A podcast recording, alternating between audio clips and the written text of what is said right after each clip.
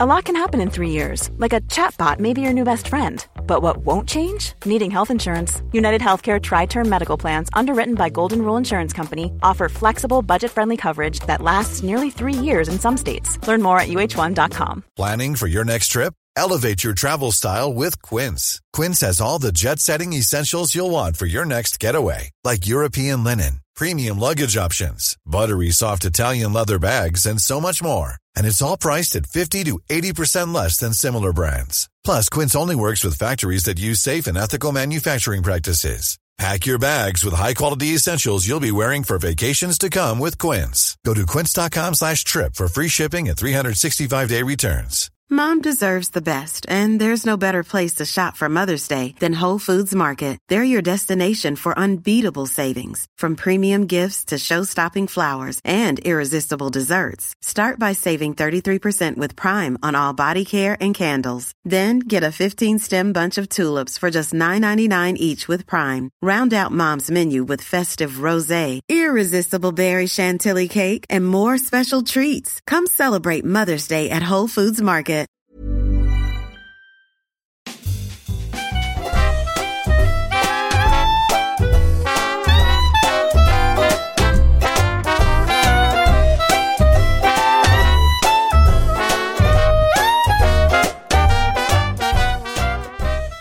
Leo, hör du hymnen? Ja, kommer du lägga på den här eller? Ja, då hör jag den. Nej, det, det, det, det kommer jag inte göra. Av rättighetsskäl. Ja, fan. Tråkigt. Men om man läser rubben på det här avsnittet så hör man ju en hymn automatiskt i skallen. champions! E- Exakt så. Kanske liten uh, Lite tonskillnad. bättre. Lite finstämt kanske. Ja, men det är ju Champions League-tider när vi spelar in det här. Det är, det är nästan alltid Champions League-tider oavsett om du lyssnar på det här om ett år eller inte. Det är, Champions League alltid runt hörnet enkelt sagt. Så är det. Mm, och det är ju en eh, turnering som eh, skapar mycket fotbollsgodis och fotbollsminnen. Och det är de vi tänkte grotta oss ner i, eller hur? Ja, men vi vill ju lansera, sparka igång den här rivstarten av Champions League-säsongen med att plocka ut de eh, fem bästa minnena, eller kanske de fem mest minnesvärda ögonblicken i Champions League-historien. Mm. Och det här är ju subjektivt. Det måste vi verkligen understryka här. För att man kan ju lätt annars gå till en femma som jag tror eh, är rätt så mainstream som alla skulle ta, eller? Alltså, hade vi inte haft vår egen tolkning på de fem mest minnesvärda ögonblicken i Champions League-historien så hade det ju blivit, då hade vi suttit här med samma lista. Vi hade båda suttit med, jag vet inte, eh, Liverpools finalvändning, vi hade båda suttit med Uniteds finalvändning, vi hade båda suttit med Zidans volley och så vidare. Alltså det finns ju typ tre, fyra, fem sådana ögonblick som, som alla, som kanske är liksom de mest minnesvärda för det kollektiva medvetandet. Mm. Men vi vill ju komma åt det personliga här och därför tar vi de fem eh, mest minnesvärda ögonblicken för oss personligen. Precis. Och då blir det lite annorlunda tror jag ändå. Ja, men det tror jag också faktiskt. Mm. Och ehm, ja, det, det, det är väl inte så mycket mer än att säga att, än att vi kickar igång det här och som vanligt listmästaren själv får starta. Plats fem. Ja, men den här är ju verkligen personlig och eh, hade inte så stor betydelse egentligen, men det har ju blivit en så här återkommande fotbollsmeme, typ att nu vet, så här, en gång per år så ser man den här för att det är på årsdagen av det som hände. Mm. Och då har jag nämligen tagit då på femte plats Gregory Coupés sjuka dubbelräddning för Lyon mot Barcelona 2001. Oj. Eh, jag håller på Lyon, som du vet. Mm. Eh, och Coupé är väl en av mina fem främsta favoritmålvakter genom tiderna. Eh, och den här räddningen, jag vet att det blir väldigt visuellt nu, så för er som inte har sett den här dubbelräddningen så är det bara YouTuba Coupé och eh, eh, Barcelona. Coupé stavas alltså C-O-U-P-E-T. Franska, vet ni. Och eh, det var på Camp Nou i gruppspelet. Jag tror att det slutade med att Lyon kom tre i gruppen och Barcelona vann den. Eh, Barca vann den här matchen med 2-0. Så liksom Coupés dubbelräddning som vi ska prata om gjorde i sig inget, hade inget liksom, avgörande betydelse så. Men det är faktiskt den sjukaste dubbelräddningen som världshistorien, som fotbollen har bjudit på genom världshistorien. Inte bara Champions League, utan hade vi haft liksom topp fem dubbelräddningar så hade det här varit första plats. För den är så bisarr. Och vad är det som händer då här? Jo, jag tror att det är vid ställningen 0-0 så blir Lyon-mittbacken, brassen, Kachapa trängd. Och efter en ganska dålig pass han har fått till sig. Så han skickar hem en boll, en hög boll, hem till målvakten Gregory Coupé. Och Coupé tänker väl lite väl mycket och, tänker att, och inser att det här är en bakåtpass. Jag får inte ta den med händerna. Men den går ju liksom över honom. Den, den bågar över hans huvud och är på väg mot att bli ett självmål. Då. Så Coupé spänstig och rask som han var, trots att han var ganska kort målvakt, liksom backar, backar, backar snabbt och slänger sig och nickar den där bollen. Han försöker ju nicka den över mål, men han nickar den bakåt i egen ribba. Så han, han räddade ju ändå självmålet här. Han nickar den i egen ribba och så Eh, är en anstormande Rivaldo i Barcelona är redo att hugga på returen. Och Rivaldo har ju, alltså det här går inom loppet av en nanosekund liksom. Men Rivaldo har ju möjlighet att eh, ah, ha har ju mer eller mindre öppet mål här på ribbreturen. För KP ligger ju ner på marken efter att ha nickat den där bakåt i egen ribba. Eh, så Rivaldo ska bara nicka in den i, i, eh, i mål. Nickar lågt, vilket jag tror är räddningen här för KP, eller vilket som möjliggör hans räddning. För på den nanosekund det tar för Rivaldo att nicka returen så hinner KP upp och slänga sig och göra en Gordon Banks-räddning ja, men en räddning som Gordon Banks hade varit stolt över. Det är ju en räddning som faktiskt i sig, enbart är när man skiter rib i ribban dessförinnan, så är ju den här räddningen i sig bättre än Gordon Banks klassiska räddning.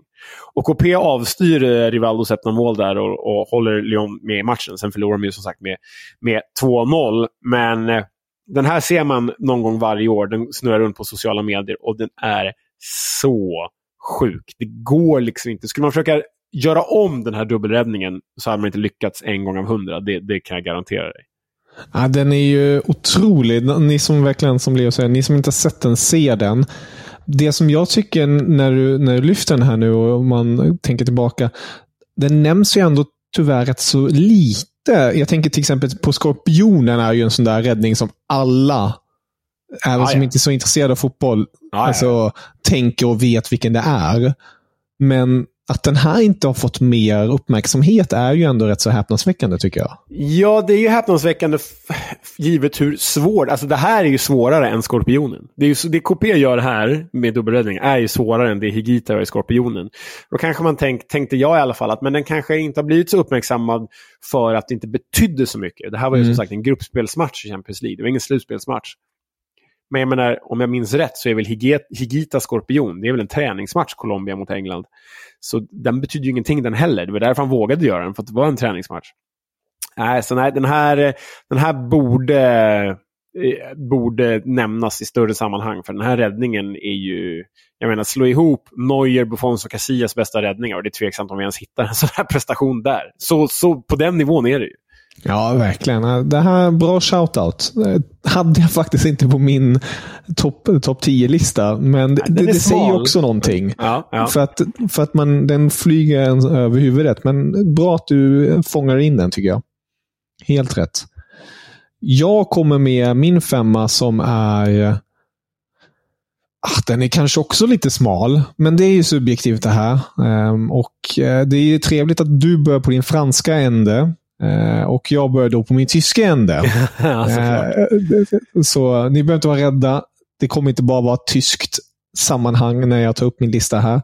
Så ni behöver inte stänga av direkt. Jag tar nämligen upp en form av ska man säga, ett startskott, en, en symbolisk händelse. Det är nämligen så att Robert Lewandowski, han stod ju för det galna, nämligen att göra fyra mål mot Real Madrid mm, ja, ja, ja. i en semifinal. Ja.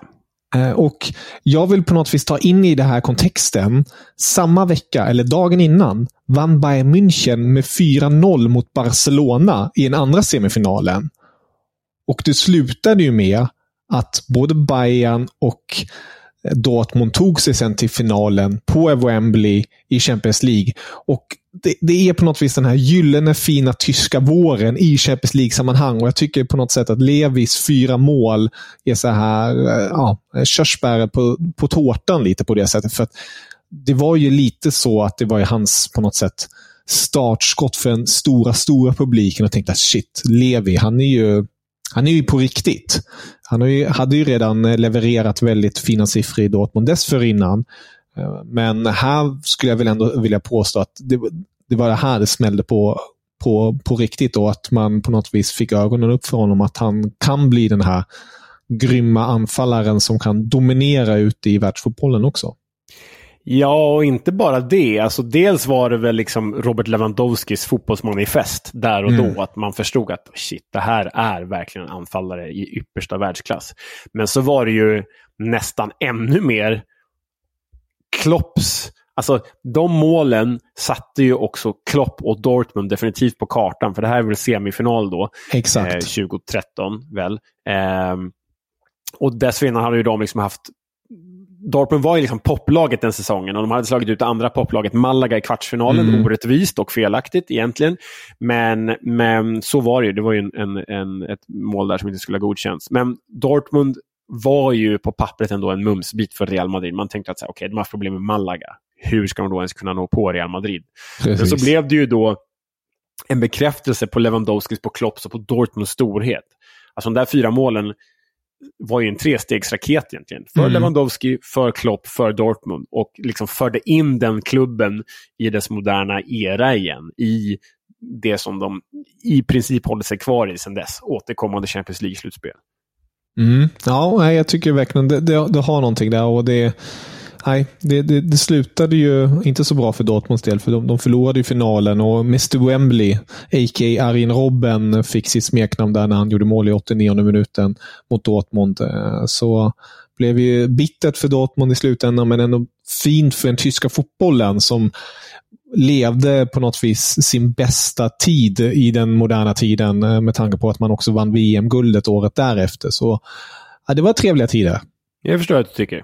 Mm. Men eh, låt oss eh, glömma de här trevliga tiderna och blicka mot din fjärde plats istället.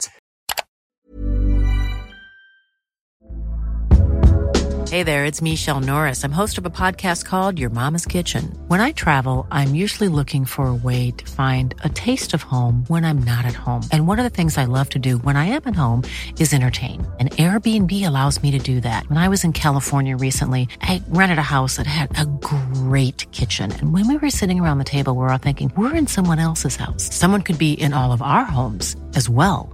If you have a home, but you're not always at home, you have an Airbnb. Your home might be worth more than you think.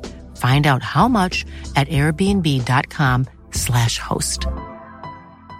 Wow. Nice. Yeah. What you're hearing are the sounds of people everywhere putting on Bombas socks, underwear, and t-shirts made from absurdly soft materials that feel like plush clouds. Yeah, that plush. And the best part, for every item you purchase, Bombas donates another to someone facing homelessness. Bombas, big comfort for everyone. Go to bombas.com slash ACAST and use code ACAST for 20% off your first purchase. That's bombas.com slash ACAST, code ACAST. Mom deserves the best, and there's no better place to shop for Mother's Day than Whole Foods Market. They're your destination for unbeatable savings, from premium gifts to show-stopping flowers and irresistible desserts. Start by saving 33% with Prime on all body care and candles. Then get a 15-stem bunch of tulips for just $9.99 each with Prime. Round out Mom's menu with festive rosé, irresistible berry chantilly cake, and more special treats. Come celebrate Mother's Day at Whole Foods Market. Plats fyra. Ja, Kevin. På min fjärde plats så... Um, så här. Jag försökte ju hålla mig ifrån att hylla det tyska. Eh, men eh, något tysk behöver ju vara med. Även från min sida. Och eh, jag tror inte riktigt du vet vart vi ska här. Men mm. ett stort ögonblick för mig eller stora ögonblick för mig, eller saker som jag lägger på minnet i Champions League-historien, det är ju när liksom unga spelare har fått sitt genombrott. Jag tänker på en ung Patrik Kluivert i Ajax, eller en, en, ja, men en ung Leo Messi i Barcelona, eller vad det nu kan vara. Men här har jag fastnat för en tysk som kanske inte blev så stor som man trodde där och då, men det är för mig ett av de ja, men största Champions League-finalsögonblicken. För vi... Eh, vi befinner oss på Olympiastadion i München våren 1997, den 28 maj 1997. Och Borussia Dortmund möter Juventus. Och det är bara det är en stor skräll och väldigt häftigt att Dortmund ens har tagit sig dit under Ottmar Hitzfeldts ledning. Eh, och de hade ju liksom stjärnor, stjärnor väldigt knutna till liksom det tyska landslaget på den tiden. Det var ju Mattias Sammer, det var Jürgen Kohler, det var Stefan Reuter, Jörg Heinrich, Andy Möller förstås, Karl-Heinz Riedle. Men det som verkligen liksom avgör den här matchen, det är ställningen 2-1. Karl-Heinz Riedle har gjort två mål för Dortmund. Del Piero har eh, precis eh, eh, reducerat till 1-2 i 65 minuten. Då byter Dortmund in tonårige Lars Ricken i den 70 minuten. Och eh, det hinner inte ens gå en minut innan han lobbar Angelo Peruzzi från, ja, vad kan det vara, 35-40 meter. Och därmed, som tonåring, hoppar in i en Champions League-final, avgör densamma, helt dödar mötet med sitt 3-1-mål på ett väldigt, väldigt spektakulärt sätt. Och jag har ju sett det här målet med svensk kommentering, jag har sett det med tysk kommentering, jag har sett det med engelsk kommentering. Och med engelsk kommentering är det så, det är så dåligt, för det, är någon, det, någon, det som ligger ute på typ YouTube, det är en amerikan som bara “The shot! Rickon scores!” Det är inte ens ett shot, det är en lobb liksom. Men det är en uh. otrolig lobb. Sen blev ju liksom Lars Ricken aldrig så stor som man, som man faktiskt trodde. Men han spelade ju hela karriären i Borussia Dortmund och har väl varit verksam i klubben efteråt också. Så det, mm. det får man ju verkligen uppskatta. Men det ögonblicket har jag på fjärde plats. Tonårige Ricken, finalhjälte. Ja, den var minst sagt otippad. Eh, Lars Ricken som, precis som du nämnde där, han, han, han har inte gjort sånt stort avtryck på den tyska fotbollen på det sättet. Jag tror runt 15 landskamp eller någonting sånt i, i den stilen. Och precis som du nämnde där, han, han har ju varit i BVB hela sin fotbollskarriär och är nu, om jag inte helt misstar mig, akademimanager eller någonting i den stilen fortfarande. Så det är ju det är verkligen härligt att ändå plocka fram den lilla i, i vad säger man på svenska? Gänsefusen tänkte jag säga, men så heter det inte på... ja, men det är ja, roligt. Lars Ricken, den, den var otippad. Den var, den var väldigt mm, otippad. Härligt att, härligt att få det tyska uttalet också. Lars Ricken, inte Nej. Lars Ricken som jag sitter och säger. Ja, men Lasse ska ja, med. Lasse ska med. Härligt. Ja, och min fyra då, då ehm, det är faktiskt en eh, match med just Barcelona och Manchester United. Eh, en match som hade mycket att bjuda på. Men det var en specifik grej som fastnade på min näthinna. Det är när det här Sir Alex Fergusons United på något vis stormar fram både i England och ute i Europa och har ett extremt starkt manskap både bakåt och framåt. Om man tänker sig att de kan ju vinna i princip allt. Eh, och Sen har vi det här Barca som eh, börjar trampa igång ordentligt. och Vi vet alla där tiki-taka och Pep Guardiola, ditten och datten. Men eh, en grej som hände i den här matchen som jag tycker är fortfarande så förvånansvärt galen. När vi ändå har pratat tidigare i annat sammanhang om så här, tajmingar och sånt som fotbollsspelare. Det är ju Messi. Och det är den där nicken som Messi gör. Det där nickmålet. När han hoppar hoppar. Det är ett ja, inlägg. Ja, ja, ja. Lilla, lilla Messi avgör mer på... Lilla, av, lilla Messi avgör en sån stor match på ett sånt udda sätt för honom. Ja, ja, för inlägget kommer och man tänker som vanligt när ett inlägg kommer mot United vid den tiden. Vi har Vidic, vi har Rio Ferdinand, tänker United-fansen. Inga problem, vi nickar undan det. Men sen bollen bara sveper över och hittar Messis huvud där som har typ poppat upp två meter upp, känns det som. Eh, och nickar in den och avgör helt enkelt. Och det tyckte jag var... Nej, det, det är en sån där grej som har fastnat i min näthinna verkligen.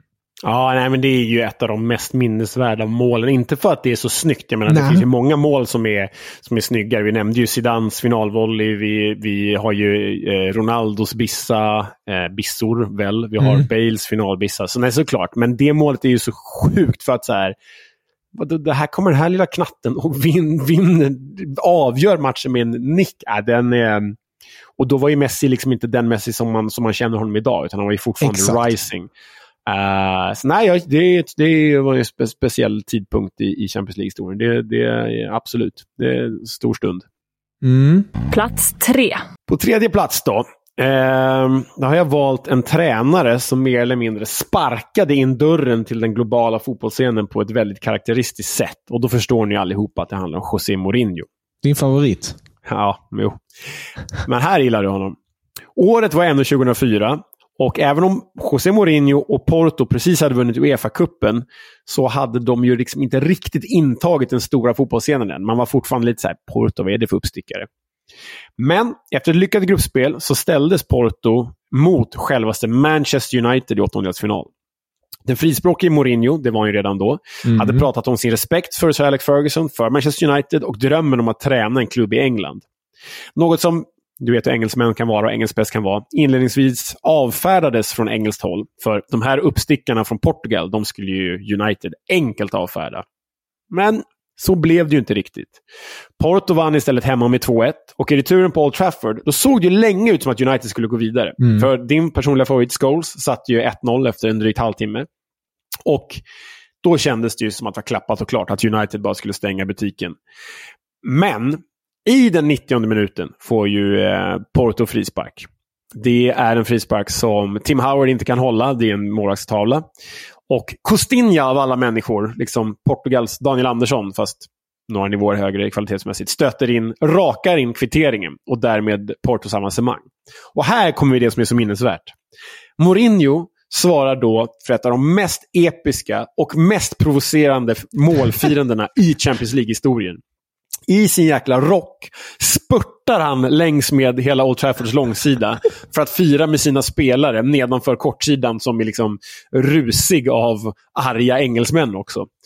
Så den där spurten, den visade ju vad Mourinho är för person. För han, kan prata så mycket, han kunde prata så mycket om sin respekt för United, Sir Alex och engelsk fotboll. Men när han väl hade betvingat dem så sket han fullständigt den respekten. För att det var viktigare för honom att uttrycka sina känslor gentemot sina spelare. Och så har han ju varit genom hela karriären. Mm. Överskattad eller ej, så har han ju verkligen varit den, sig själv, den provocerande Mourinho genom hela. Och det är en stor jäkla stund. För det var här han blev the special one, egentligen. Mm. Det är ju där han äntrade den scenen. liksom. Och det här ledde ju sen, som ni vet, till Portos Champions League-titel samma vår.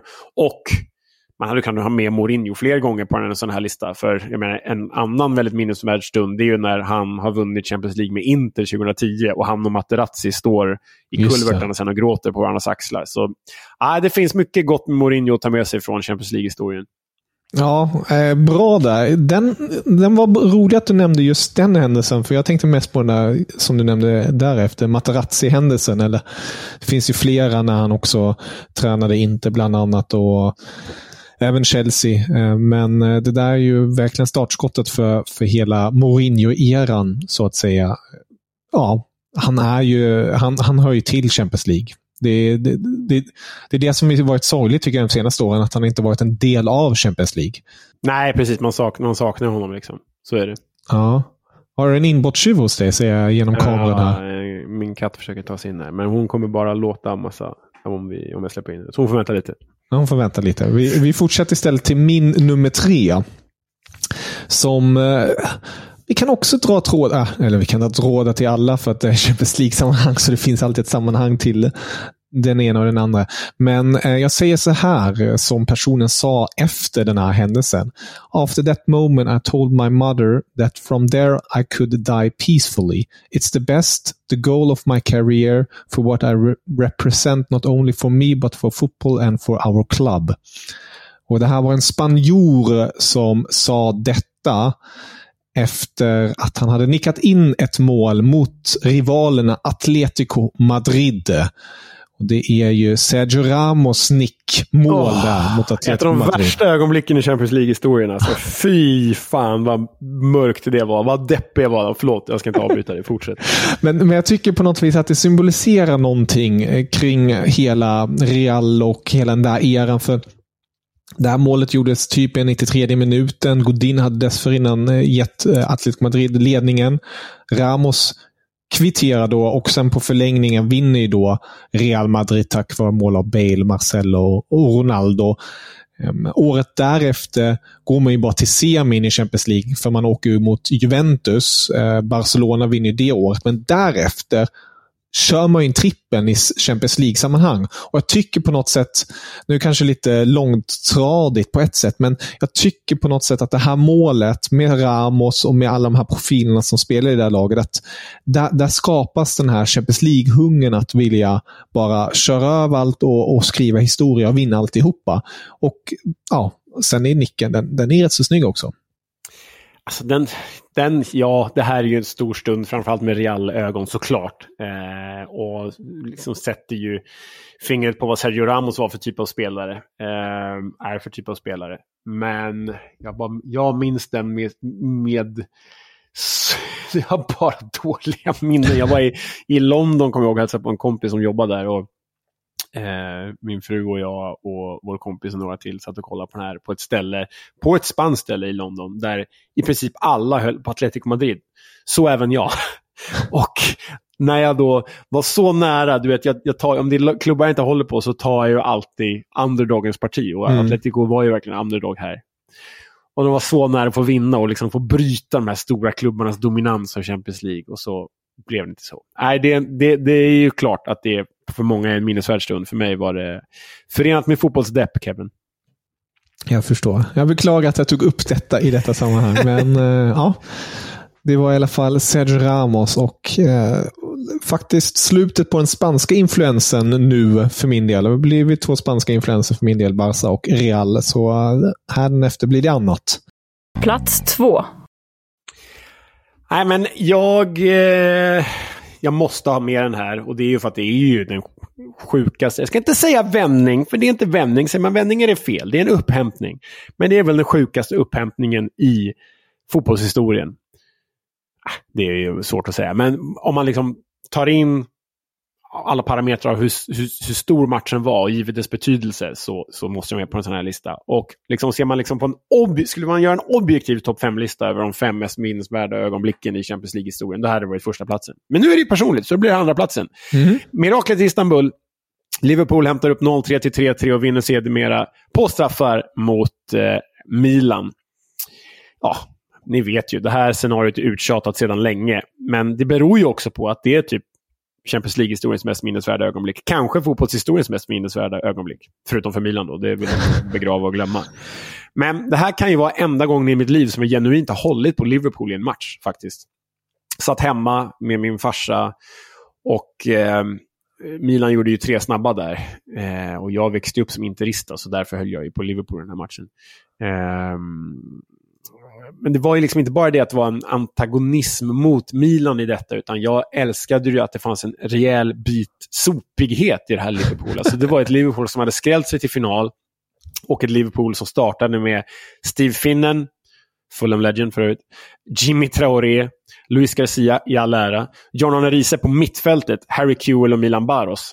Alltså det är fan inte konstigt att de låg under, låg under med 0-3 i paus. För det är på Champions League-finalnivå är det där skit. Och du vet vem som byttes in sen i andra halvlek som gav, eh, gav respons på det hela? Jag vet att du vill säga Didi Hamann här, men det är såklart att det är Vladimir Smitser vi ja. pratar om.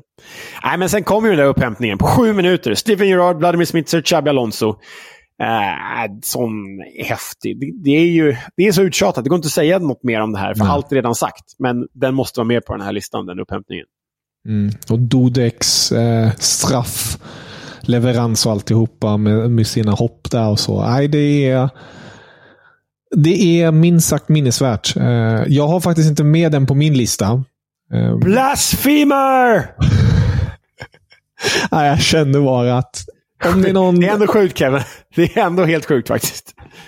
Ja, men jag kände på något sätt, alltså, jag vet inte, det är kanske den här uttjatande faktorn som bara fick, självklart vara med som, alltså, det var en av de första sakerna jag tänkte på. Så egentligen bara genom den tankegången borde den varit med.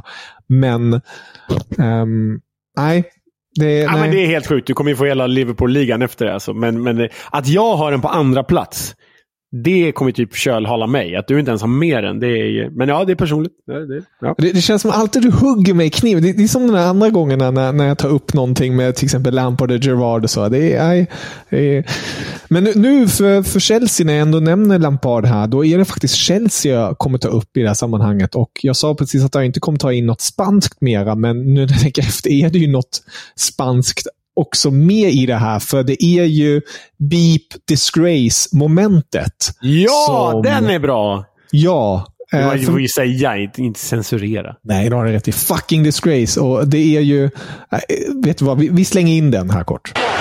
as strong, as big as this. And I don't think, with the greatest respect, that a referee from Norway is the strongest official you can put down. This is supposed to be. Ja, Didier Drogba. Eh, legendariska fucking disgrace när Chelsea mötte Barcelona. 0-0 blev det första mötet på Camp Nou. Mor, eh, eh, inte Mourinho. Eh, Chelsea eh, såg, gjorde det som de skulle göra. Hemma på Stamford Bridge. SCN kommer med en dunderskott, raket upp i närtaket. 1-0 står det. Abidal får rött kort för eh, ingenting egentligen. Anelka föll bara. Alltså han, han filmade till sig det. Eh, fel nummer ett av den norske domaren Tom Henning Övrebo. Och sen var det fyra straffar som han inte dömde till Chelsea. Ja, det är helt sanslöst. Jag tittar om det här igen bara för att uppfräscha minnet. Och man, Nej, den är helt Ja, sjuk. det är så den sjukt. Är, Det- är ju fyra Ja, det- det är inte så att det är tveksamma, utan det är fyra de Det är fyra straffar. Malouda som blir fälld i straffområdet. Abidal drar ner Drogba i straffområdet. Piqué tar med hans i straffområdet. Och sen skjuter Ballack eh, på ett tå och ett tå tar det med Hansen där också. Och det blir heller ingen straff. Och det är också där den här berömda scenen när Ballack springer efter Tom Henning Örebro eh, och bara skriker och skriker. Han tar inte på honom. Det tycker jag ändå, där finns den här respekten. Man tar inte på domare, men, men han sprang efter honom som om han skulle äta upp honom eller så. Ja, men jag, jag tycker den är så cool. Alltså, det man mest kommer ihåg det är It's a fucking disgrace från Drogba efter slutsignal. Men jag tycker Ballack är så mäktig där, för Ja. han är så jävla förbannad. Hade Ja. nog lätt kunnat nita Överberg i, i en gränd om han, hade, om han hade fått. Men springer efter honom och håller händerna runt honom. Han är Ja. så arg att han kokar, men kommer ändå ihåg att säga jag måste fortfarande hjälpa mitt lag. Jag får inte bli utvisad. Så han nuddar aldrig domaren, utan liksom bara, luften friar honom. Är det. Stor stund i Ballacks karriär. Ja, nej, det var helt sanslöst. Sen kommer ju Iniesta där med mål på övertid och alltihopa. Och, och, och löser det för Barca. Men det är, alltså, det är så sjukt på så många sätt och vis. Och det är också på något sätt, eh, när jag tittade vidare på det här, det finns ju så många minidokumentärer, om man vill kalla det så, på, på intranätet, tänkte jag säga, internet. Eh, om, om, om, om den här händelsen och om, det var ju så mycket snack om Barcelona och Uefa och att eh, det var fusk och hit och dit. Men, men bara den här händelsen tycker jag är, eh, nu, nu i efterhand, nu är jag inget Chelsea-fan eller så, eh, jag kan tänka mig att Chelsea fortfarande är bittra över det hela, men det här är bara så minnesvärd stund tycker jag på alla sätt och vis. Ja, ja, ja. Nej, det... Ja, den är riktigt... eh, Det, ja, jag håller med dig. Den hade kunnat platsa på min lista också. Helt klart. Helt klart. Mm. Men eh, nu kommer vi då, crème de la crème. Plats ett. Ja, men jag måste ju ta någonting som jag faktiskt har upplevt på plats. Och jag hade ju turen att vara där. I Glasgow 2002. Ehm, och jag tror att jag berättat i förra poddsammanhanget att jag faktiskt var på Champions League-finalen mellan Real Madrid och Bayer Leverkusen. Det blev ju 2-1 till Real Madrid som ni vet. Det är den lite roliga backstoryn är hur, hur jag tog mig dit. Jag vann ju alltså en tävling. Jag var 15 år gammal, skulle fylla 16 senare samma år. En liten tävling i, det var en sån här, du vet, allsvensk guide i Sportbladet. Och så var det en tävling där man fick svara på eh, en 1, X, 2-fråga. Den var jätteenkel, jag kommer inte ihåg vad det var. Jag tror att det hade något med Patrik Bjerred Andersson att göra. Eh, och sen fick man svara på en utslagsfråga Mm. efteråt. Och då var utslagsfrågan så här. Eh, hur många mål kommer att göras i omgång tre och fyra av allsvenskan den här våren? Alltså våren 2002. Och jag satt mig och räknade, började tippa matcherna och räknade och så kom jag fram till att det skulle göras 32 mål. Och jag älskade ju Christian Vieri när jag växte upp. Och det här är precis i hans prime, liksom, 2002. Och han hade ju nummer 32 på ryggen. Och då tänkte jag, coolt, jag har alltså räknat ut att det ska göras 32 mål i de här två omgångarna. Men det är för bra för att vara sant. Det kan inte bli Christian Vieris nummer. Så då bestämde jag mig för att ta en tärning. Och om jag slog 1 till 3, då skulle jag ta 31 mål. Och om jag slog 4 till 6, då skulle jag ta 33 mål. Och då slog jag, jag kommer inte ihåg om jag slog 1, 2 eller 3. Men det gick ner till 31 mål i alla fall. Eh, och mycket riktigt så gjordes det 31 mål i de två omgångarna. Och jäklar!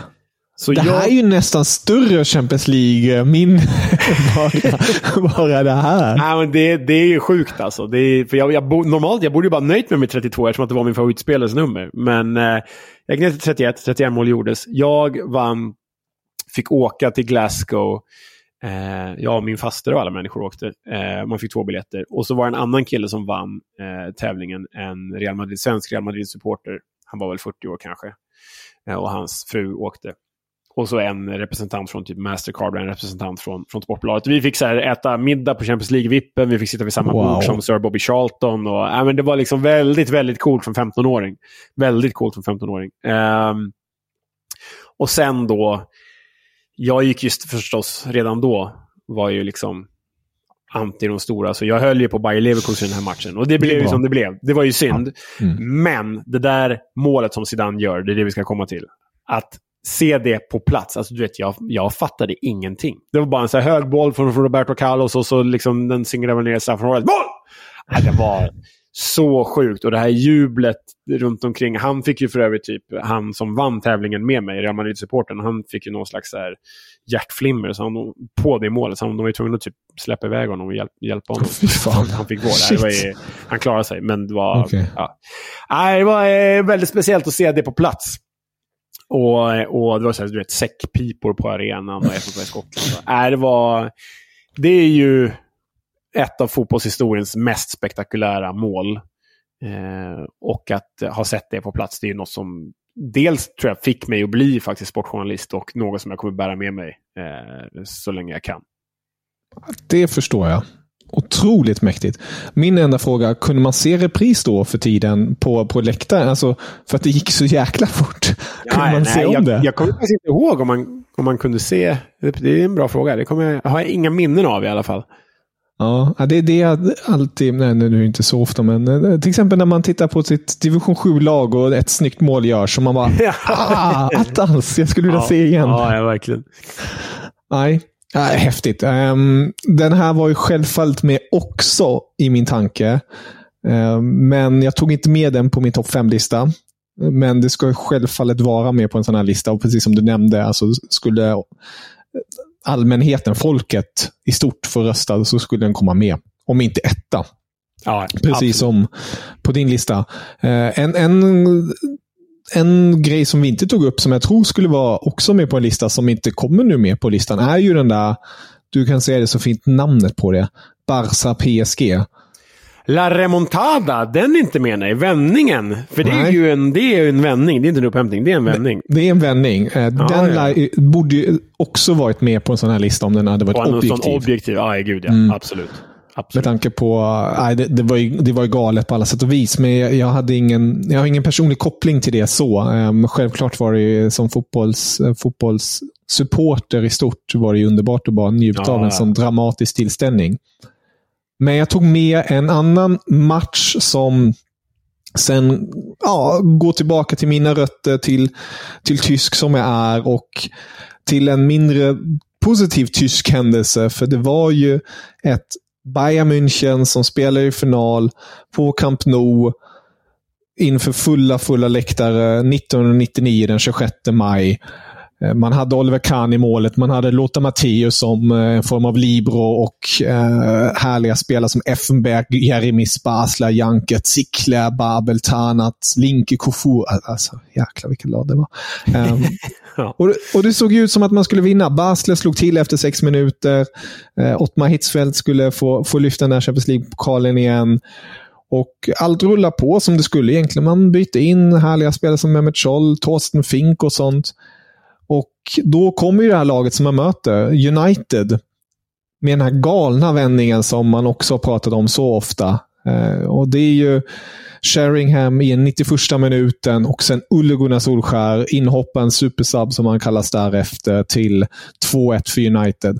Och Det som jag bär med mig, eh, förutom själva vändningen per se, är ju hur Lothar Matthäus byts ut i typ den 80 minuten. Allt var klart. Det, det, här, det här ska man bara ta hem.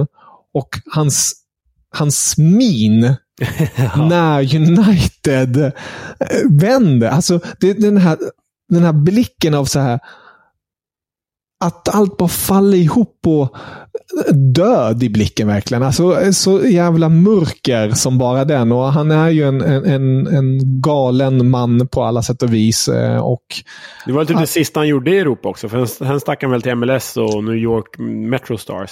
Stämmer bra det. Stämmer bra det. Så det, det var ju på något vis hans avsked till den stora europeiska scenen. Och, nej, det var, det var ett lag, Bayern München, som hade hel del dårar. Alltså just Mattias Kahn, Effenbeck, och Basler, eh, Jeremis. Alltså, vi borde göra en sån topplista. Så här, dårelva eller någonting. Alltså, så här, som består av ga galningar helt enkelt. fem galningar, ja, men det är väl, det är väl jätteroligt. Ja, Absolut. Men, men i alla fall, jag, jag landar i den här matchen som, som min etta, för jag tycker på något sätt, um, hade också objektivt nog hamnat in på någon placering Absolut, tror jag. med på en objektiv topp fem. Ah, mm. men den är ju, den är ju otrolig, någon slags manifestation av engelsk, där och då engelsk fotbolls triumf över tysk, mm. om du ursäktar. Mm. Uh, och kanske liksom Sir Alex rejäla kröning så. Äh, det var ju liksom matchcoach. Vinna som en matchcoach. Troliga byten. Men eh, frågan är om eh, de hade lyckats med det där om låtar hade varit kvar på plan. Det vet jag fan. Nej, det tror jag fan inte. Det tror jag Nej. fan inte. Nej. Häftigt ändå att Jesper Blomqvist spelar den matchen. Ja, jo, absolut.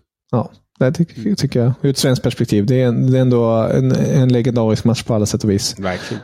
Men ja, det var våra topp fem CL-minnen. Ni får jättegärna skicka in era topp fem minnen. Alltid roligt att se era listor. Eh, och kom gärna med smala grejer. Det är det som är roligt för att när man tänker efter på Champions League, det finns så många grejer. Jag tänker till exempel på det här målet som Zanetti gör mot Schalke. Det är inte världens minne, men det är ett sånt här ögonblick eh, som, som man också tänker på ibland. Som du nämner till exempel med KP med det här målet när det är ett års för x ah, antal ja. år sedan så, så kommer det också upp. Det är sådana där saker som är lite roliga tycker jag med, med sådana här turneringar. Att det, det sker varje säsong någonting galet. Det behöver inte alltid vara det galnaste med de största lagen. Det kanske är mindre lag eller så. Eh, vattenpersoner springer in på planen och, och, får lira för att man inte har några avbytare. Vad vet jag? Sådana där grejer. Det är, det har nog aldrig hänt. Men... men det kan ske sådana där tokigheter i, i Champions League och det, det är kul. Mm. Mm.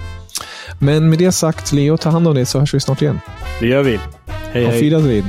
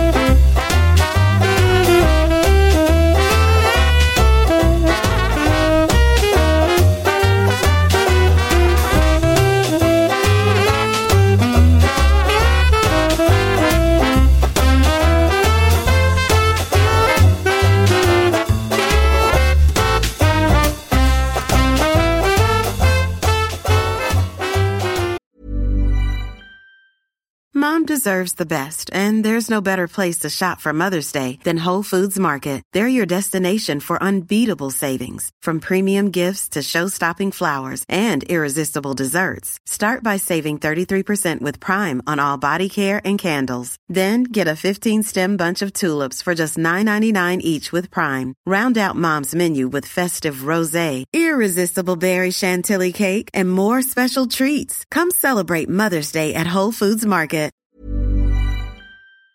you.